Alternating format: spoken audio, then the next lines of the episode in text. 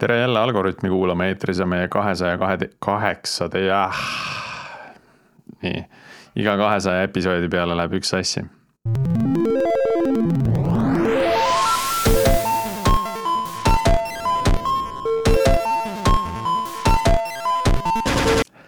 tere jälle Algorütmi kuulama, eetris on meie kahesaja kaheksateistkümnes episood, mille toovad teieni Pipedrive, Nortal ja Veriff. mina olen Priit Liivak ja koos minuga täna Tiit Paananen ka sellel nädalal räägime me tarkadest seadmetest, nimelt oleme siis teemaks võtnud mobiilirakenduste arendamise maailma, kus on salamisi päris palju uut ja huvitavat juhtunud, mida ma siin täna hommikul episoodi ette valmistades siis avastasin.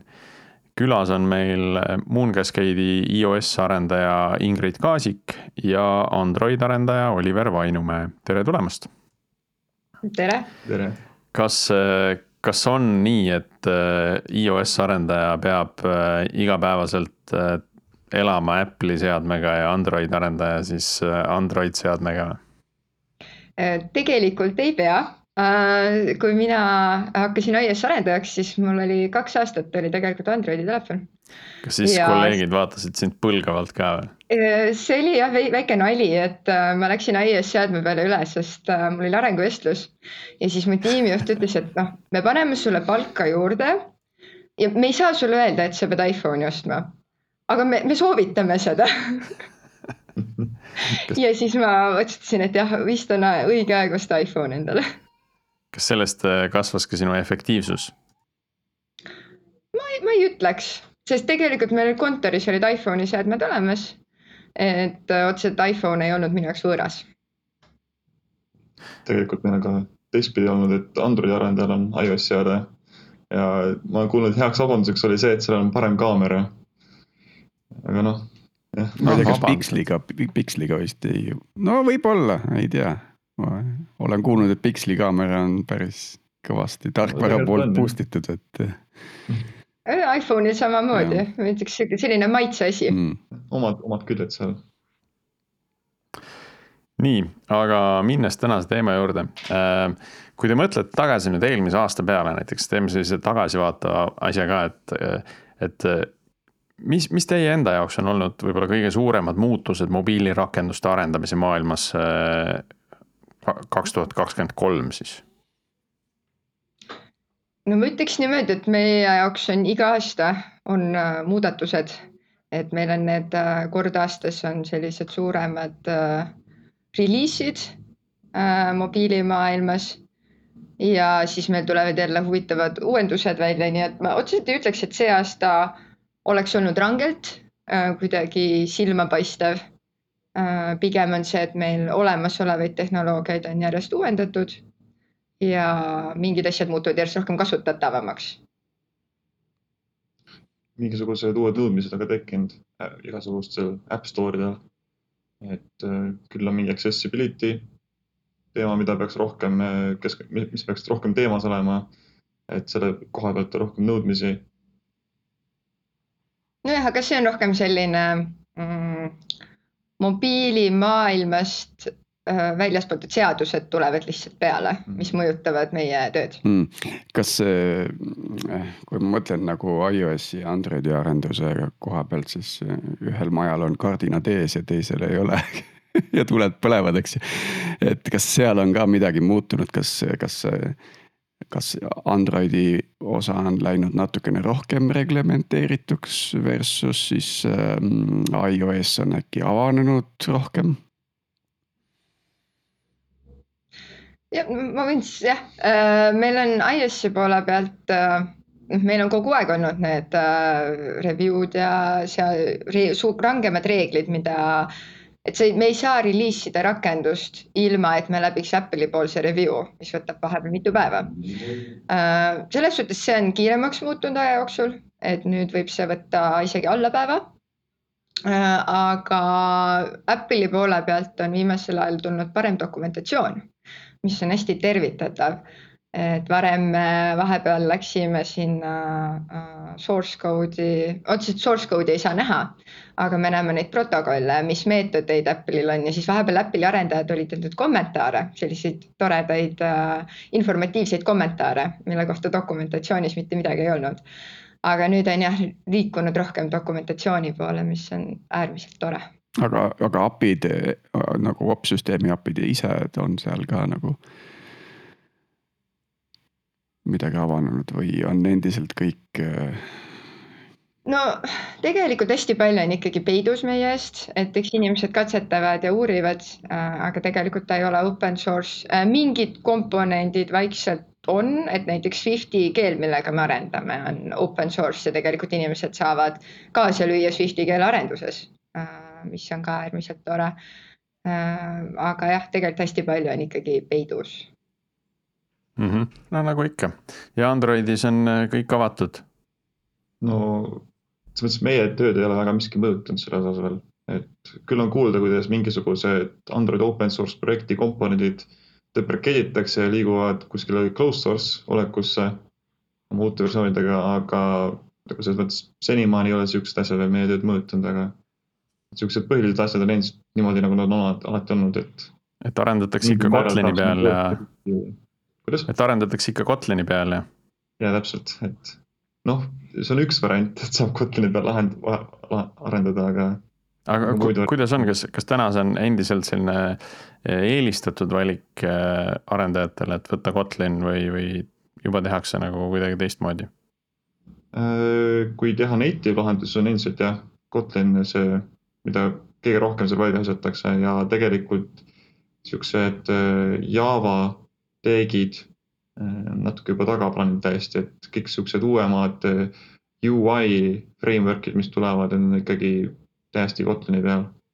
et ma ei kujutaks ette, kuidas neid näiteks kuidagi Javas teha, et. Äh, ja ka niimoodi, et kui meil tuleb uus projekt sisse, siis me ikkagi tavaliselt päris nagu tungivalt soovitame Kotlinit, et muidu siis klient üks hetk ise avastab, et tegelikult, et oma endale mingisugust tööjõudu leida, siis ikkagi peab sellise uuema tehnoloogiaga hakkama saama, mitte kasutama mingisugust sama. ma veidi, veidi olen isegi imestanud, et me nii kaua oleme suutnud rääkida ilma LLM-idest rääkimata, et kui ma mõtlen eelmise aasta peale tagasi kuidas see mobiilimaailma on nagu mõjutanud? jah, võib-olla ma alust-, jah. ei, ma mõtlen, et nüüd, nüüd on ju ka need äh, Äh, siis prototüübist genereeritavad äh, lahendused, et joonistad Figmas selle mobiiliäpi valmis ja siis vajutad genereerimise nuppu ja tuleb sul Androidi ja iOS-i rakendus välja. et noh, teid lastakse varsti lahti, ma kardan ma ütleks, seda hirmu vist ei ole, et jällegi võib-olla ütleks, et iOS arenduse poole pealt selles suhtes positiivne külg, et Apple on üsna ettevaatlik selles osas et gene-, hakata koodi genereerima, et jah, võib-olla Figmasse võid ju selle UI copy paste ida, aga kuidas see erineb äh, Stack Overflow'st mingi suvalise koodijupi paste äh, kopeerimisel, et äh, et see on ikkagi, ta, see kvaliteet ei pruugi üldse nii hea olla, see ei pruugi olla taaskasutatav, et see võib lõpuks võib nagu kätte maksta, sest need koodifailid lähevad lihtsalt nii suureks. samas sisenemisbarjäär on ikka väga madalaks tõmmatud ma ei ütleks, ma ütleks noh, jah, sa saad kiiresti võib-olla mingi väga-väga lihtsa rakenduse valmis teha, aga ikkagi, et saada päriselt rakendus kuhugi App Store'i üles, siis see peab olema nagu jooksma hästi, seal ei tohiks olla väga palju memory liike, väga crash'e ei tohiks olla, sest Apple jälle reviews võib lihtsalt öelda, et sa ei saa et sa pead ikkagi natuke aru saama sellest ka, kuidas see memory management töötab äh, ja kuidas seda kõike hallata. Et jah, ta läheb aja jooksul lihtsamaks, aga see tähendabki, et meie lihtsalt arendajatena peame vähem tegema selliseid äh, tüütuid asju mm. -hmm. mul tuli siin täitsa nagu selline hirmutav mõte, et ma arvan, et te pole võib-olla sellega nagu sellel nagu silma peal hoidnud, et kui palju üldse sellist nagu prügirakendusi äh, Äh, noh, iOS-is ja Androidil on, noh, iOS-is on ka, hoolimata, et nad teevad selle kontrolli ära. Noh, ta on ikkagi prügirakendus, kui ta ei tee mitte midagi kasulikku, on ju, seal ostad endale mingi kristalli, et näit-, näitab ekraani peal kristalli pilti, hirmus kallis on, eks. et äh, noh, kuuldavasti äh, Youtube'i maailmas on näiteks selline negatiivne trend just nende ai lahendustega, kus ähm, ai-d kasutatakse siis selleks, et äh, võtta mingisugune ettevalmistatud sisu, mingi, keegi on filminud midagi, mingit analüüsi teinud, ise peale rääkinud.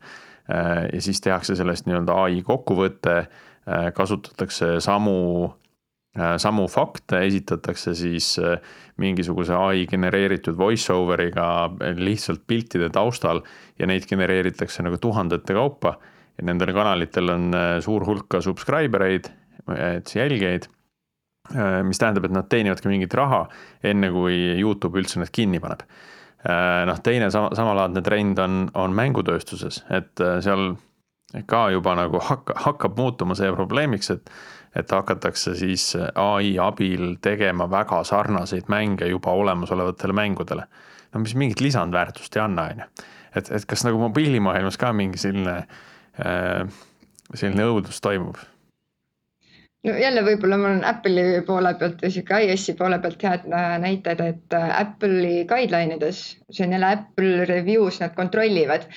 Äh, sul peab olema rakendus, mis on kuidagi eriline, ehk siis sa ei tohi sama rakendust teha või täpselt sama sisuga. aga nad, nad ei suuda ju kõiki sisu... läbi käia, see kontroll on ju võimatu. ei, nad kontrollivadki kõiki rakendusi. no, ei, no jaa, aga kuidas nad teavad, et oh, minu rakendus on ai-ga, just nimelt. ei, seal on ikkagi, seal on inimesed, kes kontrollivad ja võib-olla see ongi see vedamise küsimus ka natuke. et kas see, kes sama, kes sinu review'd teeb, kas tema teab, et see rakendus juba eksisteerib mm. -hmm. aga järgmine kord, kui sa uue versiooni paned või tegelikult nad võivad ka, kui keegi report ib, siis nad võivad tegelikult su rakenduse maha võtta. Öelda, et sorry, nüüd enam ei, noh, see ei ole okei okay et jah, sul peab olema mingi eriline feature või midagi teistmoodi ja kui sul on täiesti selline mõttetu rakendus, siis tegelikult äh, jällegi sa pead põhjendama, miks see rakendus peaks minema App Store'i. teen sinise kristalli asemel kollase ja ütlen, et tada, täitsa ja, uus asi, see on hoopis teistmoodi siis sa pead põhjendama, miks äh, see kollane kristall on parem kui sinine mm, -hmm. et äh, miks sul seda, just seda rakendust on vaja välja anda mm. -hmm. ma ei tea, kuidas Androidil teil on? Androidis tegelikult, ma arvan, et ma arvaks, et Androidis on nagu siukseid open source projekte võib-olla natuke rohkem kui iOS-is on. et juba sellest, võib-olla juba enne seda kõike, seda ai teemat on sihuke probleem olnud, et äh, igasugused projektid, mis open source on, on GitHubis olemas. mingisugused versioonidest on juba võib-olla üleval kuskil Play Store'is, aga siis keegi vaatab, et teeks oma versiooni sellest, võib-olla paneks mingisuguseid ad'e sinna juurde, et see on tegelikult mm -hmm.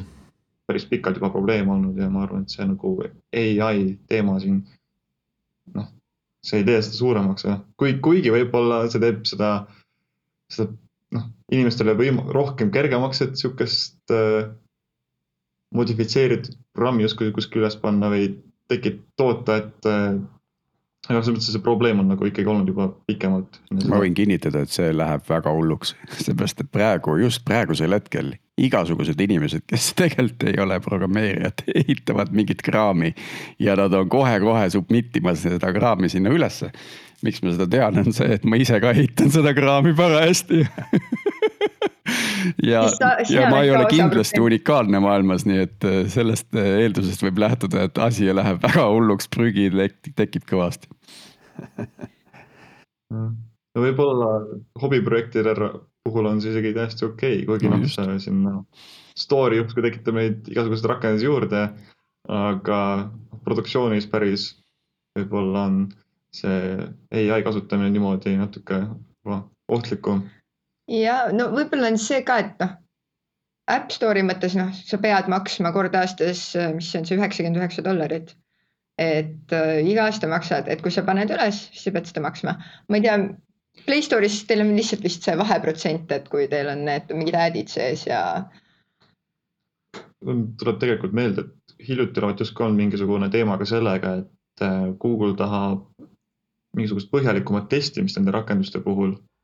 et vist oli kakskümmend inimest testima seda rakendust, enne kui see lubatakse ülesse. aga samas seal oli ka kriitikat, et tegelikult see nagu ei hoia midagi ära ka, et kuidagi saab ikka selle kakskümmend inimest kuidagi kokku vigurdada ja. ja siis tähendab, et te tekivad kuskil testing farm'id, kus sa saad nagu nii-öelda tellida seda teenust hästi odava hinna eest, kus äh, lihtsalt keegi klõpsib ja ütleb, et on okei okay,, kuigi võib-olla mm -hmm. pole e,. nii, kui nüüd mina mõtlen äh, mingi, ma ei tea isegi, kas see oli eelmine aasta, see, see mobiilimaailm on minust võib-olla natuke kaugemalt mööda läinud, et ostan ühe ja elan nagu mitu aastat selle seadmega aga aga üks asi, mis on, mis on tulnud mingi aeg, on äh, just need volditavad seadmed. ja, ja noh, see on just nagu Androidi poole peal, sest Apple teeb ikka oma ühe, ühetaolisi, ühe kujuga lihtsaid asju et, et kas Androidi poole peal see on ka nüüd kuidagi nagu keerulisemaks seda tööd teinud, et, et sa võid seda seadet või seda ekraani nagu oluliselt suuremaks voltida või kõik nii-öelda responsive lahendused töötavad ja pole mingit nagu muret? Tegelikult äh, seda on suht vähe olnud praegu teemaks, et me peaksime mingisuguseid volditavaid seadmeid eraldi support ima äh,. seal kindlasti on see, et see form factor on natuke teistsugune ja kõikide nende võimalustega peab hakkama arvestama, kuid ikkagi tahta nagu sellele fookuseeritud rakendust teha. aga siiski tundub, et see fold itavate seadmete olek praegu on ikkagi suht toores. oota, aga kuidas default behavior on, et äh, nagu panen käima, ei ole volditud? või kas ma saan üldse volditavat seadet kasutada nii, et ta ei ole volditud, ei vii? saad ikka jah. ja, ja, ja, no ja siis ja, teen, siis voldin lahti, mis edasi juhtub? siis on suurem ekraan lihtsalt. lihtsalt Ups. läheb kõik, okei okay.. jah, aga, aga just noh, mida ma siin hommikul ka lugesin, et, et ilmselt noh, see, see on nagu sihuke trend on ju, mida nähakse, et, et peaks tekkima selliseid just nagu volditavatele seadmetele äh, spetsiaalselt mõeldud äh, siis rakendused, noh, mis siis suudavad ära kasutada just seda funktsionaalsust, et, et sa, sa saad sedasama rakendust vaadata kahes erinevas resolutsioonis. Äh, et noh, muidugi mingid asjad nagu töötavad telefoni peal ja tahvli peal, on ju, aga see ei ole päris sama, see ei ole see, et mul on võimalik nagu mingitel hetkedel nagu äh, seda resolutsiooni muuta, on ju. Äh, selles mõttes, et see natuke oleneb ka sellest, mis see UI framework on, et native Androidi puhul tegelikult sihuke adapteeruvus on noh, out of the box täiesti olemas tegelikult aga noh, siiski on tunne, et see fold itavate seadmete, noh, nad on ikkagi veel natuke toored. Neid ei ole, nad ei ole nii levinud, et neile tehakse veel päris siukseid eraldi seadmeid, seega ka noh, tegelikult on päris raske öelda, mis sealt lõpuks tuleb, kui see natuke rohkem levib. Aga jah, see praegusegu, praegune kõige populaarsem, see Androidi native eh, UI framework on tegelikult sihuke, mis justkui isegi töötaks näiteks desktop rakenduse peal et see firma, kes selle taga põhimõtteliselt on, on tegelikult äh, ka tegemas seda justkui multiplatvormiks. et see peaks töötama ka desktopi peal ja veebis ja tegelikult isegi iOS-i peal.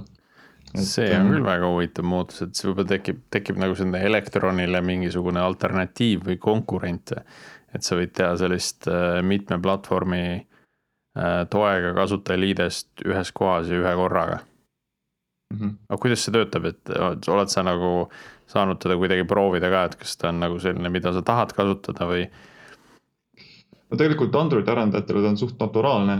Äh, et tegelikult esialgu see tehtigi Androidile, aga noh, see Google, see oli Google'i ja JetBrainsi koostöö, kaks sihukest firmat, on ju, et äh, see JetBrains hakkas siis vaatama, et seda võiks nagu hakata support ima ka muude platvormide peal. ja see, et oleks täiesti multiplatvorm, siis ta on nagu justkui alamosa sellest Androidi võimalustest seal lõpuks. võtame siis, võtame siis järgmise trendi, mis nagu siin mul hommikul välja tuli. on, mis, mis võib-olla puudutab iOS-i seadmeid, on hääljuhitavad kasutajaliidesed. Noh, kõiki, ka Sirit on alguses ju promotud sellega, et, et saad kõike teha Äh, aga kui palju nagu see äppide maailma on, on jõudnud, mina olen kuulnud ühte kliendi request'i, äh, mis tuli sealt Lähis-Ida poole pealt. et äh, tahaks saada nagu mobiiliäpis võimalust vaadata raporteid ja tahaks häälkäsklustega juhtida nende raportite avamist ja ma ei tea, mida veel, noh, et ütled, ma ei tea, drill down ja siis ta läheb nagu näitab sulle rohkem detaili mis oli natukene nagu sürr äh, ja me, ma usun, et rääkisime kliendi sellest äh, välja, et me lõpuks seda häälkäsklustega raportite juhtimist ei hakanud, ei hakanud tegema. aga, aga kas, kas teie näete nagu üldse seda mingisugust häälkäskluste äh, kasutamise kasvu mobiilirakendustes? Ja ma ütleks, et see on võib-olla kaks erinevat teemat, vähemalt iOS-i perspektiivist, et üks asi on, kui mõelda nagu Siri peale kes on siis tegelikult ju assistent, et sa saad temale öelda, et kuule, Siri, et palun ava mulle nüüd see või tee midagi teist, et neid siis nimetatakse shortcut ideks ja neid võib siis teha rakenduse põhiselt, et jah, noh hetkel ei oska ühtegi head näidet tuua. ma olen ise mõelnud vahepeal, et võiks neid teha, aga üldiselt tundub, et vähemalt ma olen selliste rakendustega töötanud, mille puhul otseselt nagu vajadust ei ole.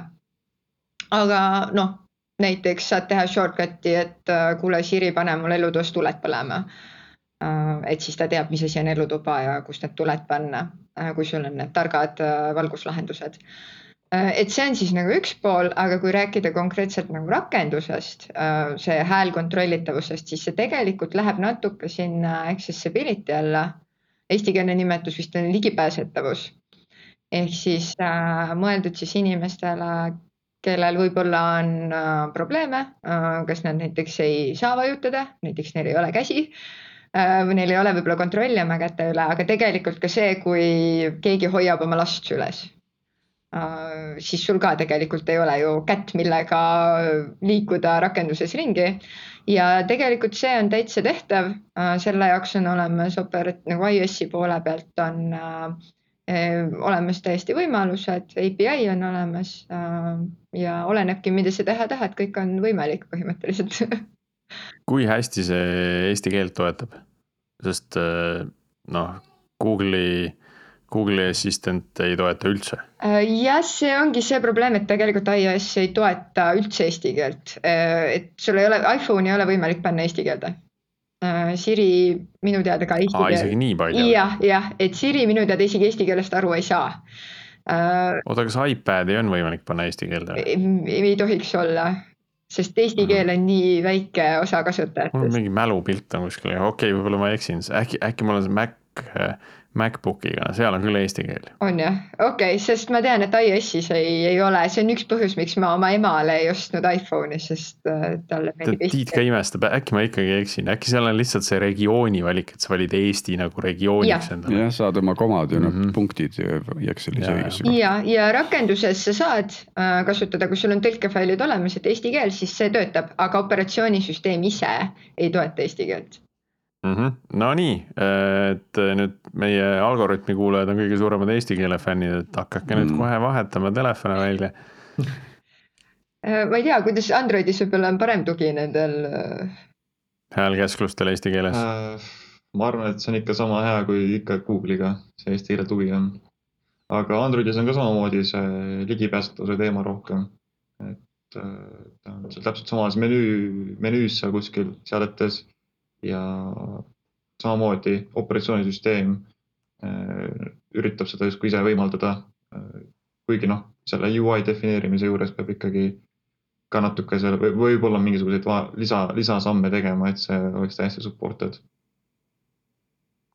nii et äh, justkui nagu on trend, aga ei ole ka nagu, et noh, vähemalt siin maailma osas. jah mm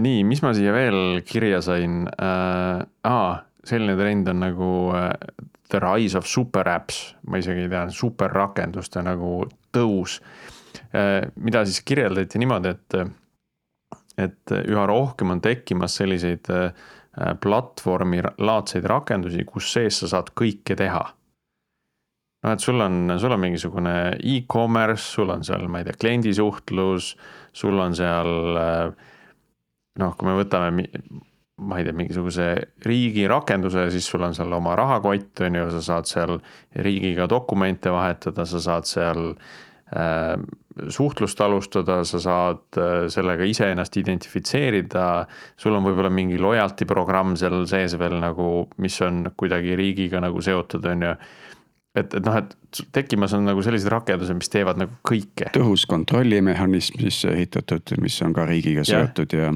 nii edasi. tõhus jälgimismehhanism mm, -hmm. et mida, mida siis kodanikud teevad. et, et võib-olla see on ka selline nagu selline Aasia poolt tulev trend. Äh, küll aga mina tean näiteks ka, äh, ka Saksas on mingisuguseid äh, noh, linnakeskseid või seal on need piirkonnad, seal district'i keskseid Äh, rakendusi tehtud, kus, mis üritavad nagu natuke sama asja teha, et sa saad põhimõtteliselt kõike teha nagu ühes äpis. et sul ei ole nagu kümmet äppi, on ju, või isegi kolme mitte, vaid sul on üks. et äh, kuidas, kuidas teie, ma, ma ei küsi nii, et kas te olete näinud seda, aga kuidas te suhtute nagu sellesse, et, et keegi nagu tuleb ja ütleb, et oh, ma tahan nüüd, ma tahan teha sellist äppi, mis teeb kõike.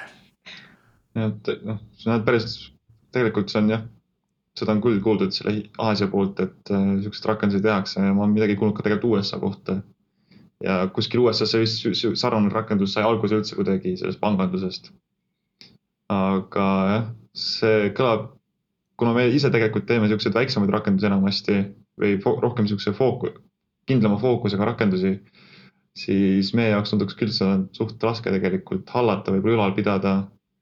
et meil tegelikult mingisugused rakendused ka on olnud, kus on tegelikult väga palju erinevaid regioone ja sellest tulnud ka eri, erinevaid siukseid theming uid ja sellest veel mingisugune omakorda mingeid erinevusi. et neid on päris raske tegelikult ülal pidada ja selle jaoks on vist ikkagi vaja suuremaid tiime ja mingisuguseid väga häid siukseid süsteeme välja mõelda, et saaks see ülal pidada üldse. aga kuidas siukest asja üldse planeerida, et see on nagu ikkagi next level asi tegelikult no jupikaupa hakkad minema, no noh, mul tuli praegu nagu hea näide selle kohta, et, et kui ka meil on ju Bolt äh, ja Bolt Food on näiteks eraldi rakendused, on ju. aga kui need oleks nüüd üks rakendus ja, et sa saad sealt teha kõike, võib-olla on veel mingi Bolt Books on ju, sa saad raamatuid laenutada sealt e, e-raamatuid on ju et senikaua, kuni sa autoga sõidad, sa võid mingisugust muusikat kuulata sealt, on ju. noh, et sa panedki kõik asjad sinna sisse äh,. hästi mugav ja siis sul tekib üks selline platvorm, mida sa kasutad äh, kõige jaoks. Ja, ja kasutajad ei tahagi teisi äppe, sest Bolt teeb kõik ära minu jaoks. noh, superäpi üks noh, inimese koha pealt iseloomustus ongi see, et hommikul ärkad, teeb sul, peseb sul hambad ära, eks ju, seal on jah, ja sul on seal mingi kalendri integratsioonid, süsteemid, eks ju, siis sul on seal toitumine, eks ju, logistika. Äh, meditatsioon on ju, seal trennid on ju. ja siis õhtul teed unejuttu paneb ka veel ikka on ka Bolt väga huvitav, kui sul tellid takso ja sellega koos saad toidu ka kätte, on ju. hommikusöök taksos. taksoga saad toitu üles võtma ja sõidad edasi veel kuhugi. aga jah, tegelikult jah, Eesti, Eesti vaates on küll tegelikult noh, superrakendustele kõige lähedasem asi vist ongi see Bolti rakendus ja. kuigi seal on ka ikkagi. Vooruse rakendus äkki sihuke, mis. Äh, mitut asja support ib seal. aga jah, ei, seal on ikkagi see ka, et päris palju on ikkagi mitme rakendusega, sest noh, noh nagu Oliver ütleski, tegelikult on lihtsam hallata. sa ei astu üksteisele kandadele arendajatena, keegi ei blokeeri kedagi teist. ja, aga ma viskan siia kohe karapalli vastu, et äh, kliendil on kaks rakendust. sellest äh, iOS-i avascreen'ist, mis on jagatud, kohe vaatan siin kiirelt mis siin on siis äh, kuus korda neli pluss neli, eks ju. ja, jah, kaks ruutu kohe läinud. et kaks ruutu läinud, pumm ma ütleks seda selles suhtes, äh, nagu ma tihtipeale ka kliendi koosolekutel ütlen, et kõik on võimalik, kõike saab teha, aga kui palju keegi tahab sinna aega ja raha panustada ja kui palju siis neid blokkereid hakkab tegema te,, juhtuma, et kas äh, see finantsiliselt tegelikult lõpuks tasub ära et äh, võib-olla ongi mõistlik erinevaid rakendusi. Äh, kui sul on üks superrakendus, siis äh, noh, kõik ei ole ju super user'id nii-öelda, et kõik ei kasuta kõiki feature eid aga see avab võimaluse ja. nende jaoks, nad võib-olla ei teagi, et seda saab teha, et äratuskella saab sealt seest ja, aga noh, mul on ka olnud tegelikult, mul on selliseid rakendusi, kus ma võib-olla kasutan ainult ühte feature'it, aga rakendus ise on väga suur. lihtsalt võtab telefoni storage'it sest seal on nii palju feature eid, mida ma tegelikult ei kasuta ja siis vahepeal vaatadki, et äkki peaks võtma sellise, mis on just kergem, et ma, ma ei taha nii palju. et äh, selle koha pealt ka jälle teistmoodi võtta, aga jah, jällegi kõike võib teha äh,. lihtsalt äh, kõigel on hinnasilt küljes ja võib-olla on vaja suuremat tiimi ja sellistele asjadele peab mõtlema. ja ausalt öeldes seni, kuni äh, kasutajakogemus on väga hea ja seda silmas pidada siis äh, tegelikult äh, miks mitte. ja kuule, Priit, ma jubedalt ah,, palun, Oliver, sorry. Bolti rakenduse puhul tegelikult on tehtud niimoodi, et on tegelikult ikkagi mitu rakendust, Bolt Food ja Bolt mm -hmm. takso on ju, et siis. ja, ja aga noh, kui nad oleks koos, siis see oleks nagu hea näide nagu sellest superäpist nagu. mm. -hmm. sihuke asi tundub ikkagi palju paremini hallatav ka, et ühest rakendusest lihtsalt käivitad teise ja see on täiesti võimalik, vähemalt Androidi puhul. jah, iOS-is saab ka jah. iOS saab ka ja siis, et äh, sihuke asi, noh, siin on võib-olla lihtsalt see ka, et sul on vaja head analüütikat sinna taha, et kuidas sa ikkagi välja mõtled selle asja, analüüsid selle rakenduse valmis endal. ja kuidas sa planeerid seda, et noh, kõik, on tehtav. sul on lihtsalt vaja neid õigeid inimesi ja piisavalt palju raha maksta selle eest ja aega ka sinna panna. no kui nüüd äh, mõelda, et nagu tehniliselt, kuna meil on ikkagi tehniline äh, taskuhääling äh,, kuidas seda, kuidas seda teostada? Noh, et kui sul ongi kümme erinevat sellist äh, rakendust nii-öelda ühe sisse vaja äh, põimida, et äh, kuidas teie seda teeksite? et kas te teeksite siis näiteks kümme rakendust, kümme erinevat rakendust ja siis teeksite ühe rakenduse, mis oleks nii-öelda see portaal nagu kõikide teiste nagu minirakenduste juurde. või noh, just seesama probleem, et iga rakenduse peal on viiene tiim, on ju kas see oleks mingisugune monorepo moodi lahendus, on ju, kus kõik töötavad ühes kohas koos. et kuidas seda nagu tehniliselt võiks nagu ära lahendada?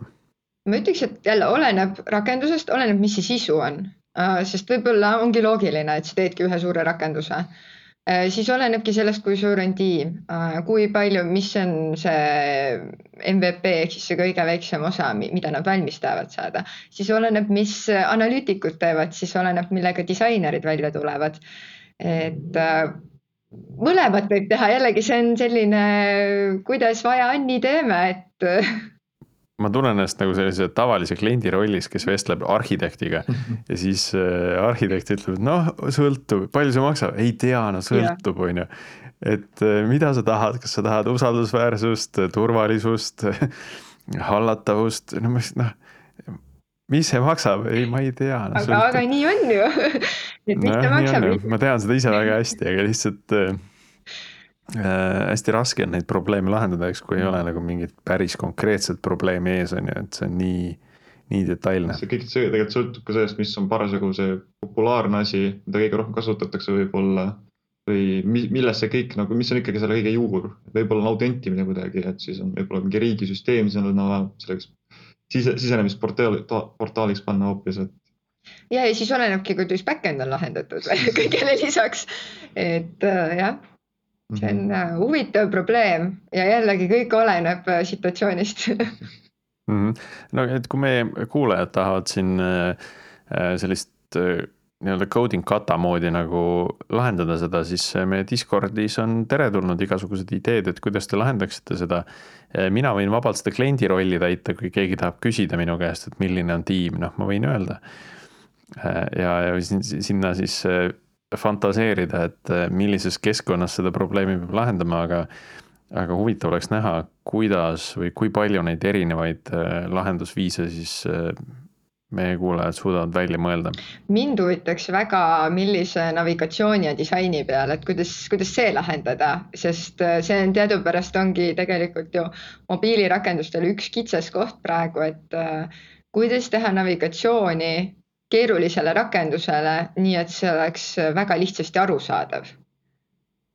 ja eriti, kui sul ongi selline superrakendus, et kuidas see navigeerimine võiks toimuda, nii et kasutajal oleks väga mugav ja ta saaks kõike kasutada, aga samas see kõik mahub sinna väiksele ekraanile. Ja see oleks kõik loogiline. Tuleb meelde Swedbanki äpp, millega ma regulaarselt arvan, et ma tegin ülekande ära, aga tegelikult ei teinud ma arvan, et see on lihtsalt vabandus, Tiit, mida sa kasutad, et ja. ütled, et, et äpp on halb. ei, ma arvan, et ma tegin selle ülekande ära. ja siis minul, minul ei ole seda probleemi olnud, nii et see kõlab täiesti sinu probleemina tõenäoliselt. kuule, Priit on hoidnud siin kõige põnevamat teemat, ma ei tea, kas sa Kirsina lõppu tahtsid või kuhu sa tahtsid seda panna, aga multiplatvorm, kuidas nagu teha nii, et ei pea kaks korda tegema. jah et äh, ma saan aru, Kotlinil on mingisugune multiplatvormi teema, eks ole.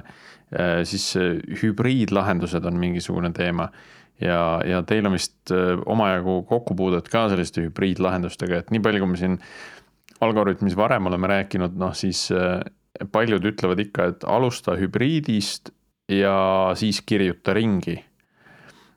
kas tänasel päeval nagu teie seisukoht on sama, et et kui sul on nagu väike, väike äpp on ju, et alusta hübriidist ja siis äh, äh,, siis võta kaks tiimi peale ja kirjuta kõik ringi. ja kas alustan Flutterist siis?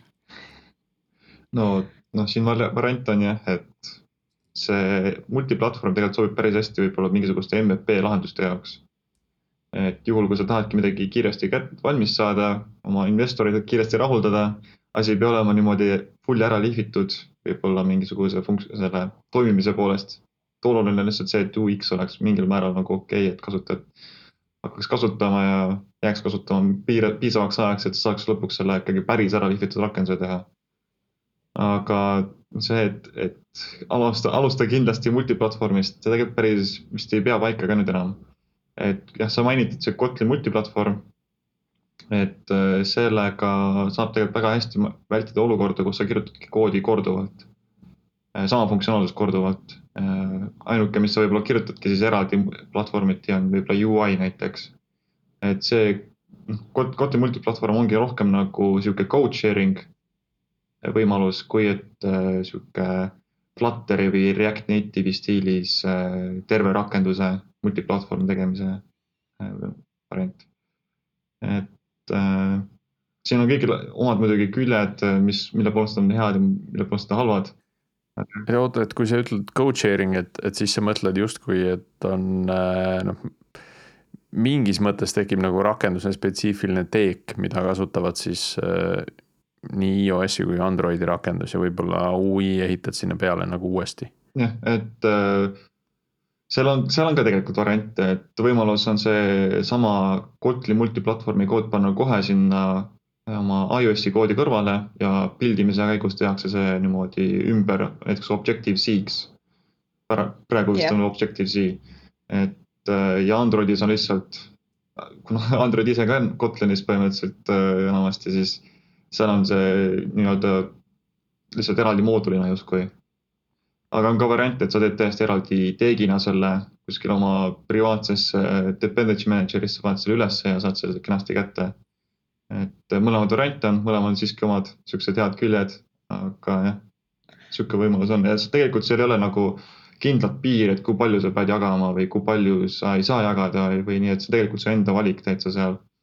et mingid asjad, mis sa saad seal multiplatvormis ära teha niimoodi ühiselt, on nagu võib-olla ilmselt päris hea seal ära teha, mingisugused API küsimused võib-olla või mingisugused suuremad arvutused, mis ongi lihtsalt võib-olla liiga keeruline, et korduvalt kirjutad mõlemale platvormile, mõlemast tulevad omad bugid ja niimoodi mõlemad korraga siluda on võib-olla noh, raske. aga selle Kotlin multiplatvormiga tegelikult saab ka UI-d teha, aga see veel ei ole päris välja arenenud, ei ole päris stable mm. -hmm. tead, Tiit, kui sa sellest suurest pommuudisest äh, rääkisid, siis ma arvasin, et sa äh,, sa ütled hoopis seda et Xcode läks pilve või, et Xcode Cloud on see uus, et, et kui ma tahan ise mingit iOS-i jubinat kokku kirjutada, siis ma ei pea seda äh, suurt Xcode'i endale alla tõmbama. saan ma õigesti aru? ei, kahjuks, kahjuks mitte. ja, sul on ikka mis... Maci vaja, sa pead Xcode'i tõmbama, no kuigi Visual Studio. mis see tähendab siis, mis see tähendab Xcode Cloud? Xcode Cloud on see, et ähm, meie need CI-CD süsteemid continuous integration siis ehk siis äh, noh, on mitu erinevat varianti, sa võid manuaalselt arvutis panna, teha pildi ja selle siis üles laadida App Store'i või Testflighti või noh, kuhu sul vaja on. Äh, aga siin megatüütu, see võtab aega ja keegi ei viitsi seda teha ja selleks meil ongi need CI-d. Äh, ja siis Xcode Cloud tähendabki seda, et nüüd lõpuks Apple tuli enda versiooniga välja. Ja kakskümmend viis tundi on isegi tasuta, mis on suurepärane, aga ja ei, Xcode ei ole. täiesti kõik, kõik minu unistused on nüüd murtud ja lõhutud. aga samas ennem sa möllasid Circle C-ga ja mingite erinevate masinatega, hinnastamine oli täiesti pekkis ja nüüd ja. on nagu mm jah, et need on jah minutipõhiselt hinnastamised ja praegu viimane kord, kui ma kontrollisin, siis see Xcode Cloudi lahendus on tegelikult kõige odavama hinnaga ja, ja päris, päris võimekas äh, üllataval kombel. üllataval kombel, ikkagi minu jaoks on ikkagi pettumus, ma juba lootsin, juba lootsin seda, et ei ole nagu seda Apple'i masinat enam vaja Lo. looda ainult see. see vist on sinu probleem, mitte Apple'i probleem. Nad ikka tahavad, et sa nende ökosüsteemis oleks. ei, aga tegelikult me üks päev alles arutasime siin kontoris sellest, et äh, kas oleks võimalik cloud'is üldse mobiilirakendust arendada Äh, sellepärast, et see ju tähendab, et kõik käib läbi interneti. Need kompileerimise asjad, kõik see on ju seotud masinaga. et kas see on üldse piisavalt kiire või see, sest ega meil praegu ka lokaalselt, kui sa ikkagi kompileerid koodi, sul on keerulisem projekt, siis see võtab natuke aega. meil on noh, paar aastat tagasi oli hullem, et see on ajaga paremaks läinud aga noh, me tegime sedasama nalja, nagu on need erinevad need miimid ja koomiksid, et äh, keegi kakleb mõõkadega ja siis ütleb my code is compiling. et mm -hmm. siis, kui mina alustasin, siis tegelikult see oligi, me tegime minu ühe sõbraga samamoodi, kaklesime vihmavarjudega ja keegi täpselt astus sisse, küsis, mis teete. kood kompileerib et selles suhtes see, need ähm, delay'd ja sellised asjad, mis arendust natuke nagu hakivad, et need eksisteerivad ka lokaalselt, aga kui sa liigutad selle veel cloud'i ja see toimuks veel kõik üle interneti, et sa kirjutad koodi üle interneti, et kuidas see delay hakkaks olema et see võib-olla tundub, et see on produktiivsusele palju kehvem ja pikas perspektiivis võib-olla kaotad nagu raha mm. -hmm. jah huvitav jah, ma, ma arvan, et see on ikkagi võimalik. ma mõtlen ka, et mingi terminal, terminalsüsteem, mis, et seal üle interneti ei liigu midagi, et sa lihtsalt saad sealt tulemuse kuidagi kätte. Nagu. samas Tiit, kui sa mõtled selle peale, kuidas täna äh, mobiiliseadmeid või mobiilirakendusi testitakse, siis on ju need nii-öelda suured seadmefarmid mm -hmm. põhimõtteliselt, kus on seadmed on kapis juhtme otsas ja, ja siis. no see on üsna lõpus testi... ikka, ennem seda lastakse mingitest simulaatoritest läbi, on ju. nojaa, aga ma mõtlen, mida, kuhu ma tahan jõuda sellega, et noh, et. et, et võib-olla siis nagu see võimalus, võimalik on see, et kui ongi neid äh, iMac minisid nagu kuskil farmis nagu ja siis sa rendid neid justkui välja nagu noh, nii-öelda pilveplatvormil on ju, et sa võid ja seal peal kompileerida, on ju. aga kas see parem on, kui ise endale iMac mini osta ja seda teha, et noh, et jah, ja tegelikult ma ütleks nende farm'ide kohta ka, et äh, need on remotely connected ja meil on olnud seda probleemi, võib-olla see oli süsteemi probleem, et lihtsalt see süsteem ei võimaldanud. aga näiteks üks ütleski, et tema ei saa proovida network äh, probleeme, ehk siis kui noh, me saame panna ju lokaalselt, me saame internetti öelda, et oh, et proovi nüüd nii, et see on katkendlikum internet, et kui sa tahad katsetada, noh näiteks Elroniga sõidad Tartust Tallinnasse on ju, et sa, sa ei lähe sinna rongi istuma et ähm, seal on ju need internetiprobleemid ja tegelikult on hea katsetada, sest mobiilne seade on ju see, mida sa kaasas kannad, aga temal näiteks oligi probleem, et tema kasutas seda farm'i ja ta ei saanudki seda interneti asja proovida, mida meie, kui meil on füüsiline seade käes, siis ma saan seda seadistada ja ma saan seda proovida mm. -hmm. kui palju selle jaoks nagu mingeid simulatsioonivahendeid on olemas, no äh, nii-öelda need eh, GPS-i fake imise äpid on olemas. aga et, et ka, ka seda, mis minu nagu võrguühendust siis eh, reguleeriks, noh, sul võib olla mingi ruuditud seade, on ju. ja siis paned sinna mingi äpi peale, mis siis justkui nagu Wiresharki kombel, kust kogu nagu võrguühendus läbi käib, on ju, aga ta lihtsalt aeg-ajalt mingid, mingid paketid nagu poetab maha eh, selleks, et sa saaksid testida seda või kuidas see, kuidas see käib nagu päriselt, see kehva võrguühenduse testimine lokaalselt? no see oleneb, et äh, kuna mina olen arendaja, siis mina lihtsalt, äh, mul on oma äh,, Apple'il on enda seade, et äh, oma rakendus siis, et sa saad äh, proovidagi seda, et sa lülitad sisse, et ma tahan, et mul oleks package drop näiteks viiskümmend protsenti. Ja... aga seda sa ei tee telefoni peal ju, seda selles mõttes see on nagu. ja, aga ta läbi juhtmega telefoni, ta kandub üle ja., jah okay.. et noh, mina nagu lokaalselt saan seda väga lihtsalt teha ja meil on X-koodis ka, ma saan GPS-i koordinaate muuda, muuta. et siis ma lihtsalt äh, kasutan äh, ja saangi seadmes ka äh, näha. aga testimise poole pealt jah, kui testijad testivad, siis neil on nagu nõksa keerulisem see, aga tegelikult minu teada saab neid muuta küll ja katsetada mm. -hmm. nii, kuna nüüd Tiit tahab minna kangi tõstma, äh, siis äh, kas teil on veel mõni teema siia lõppu, millest te arvasite, et täna saate rääkida, aga me veel küsinud ei ole oh,?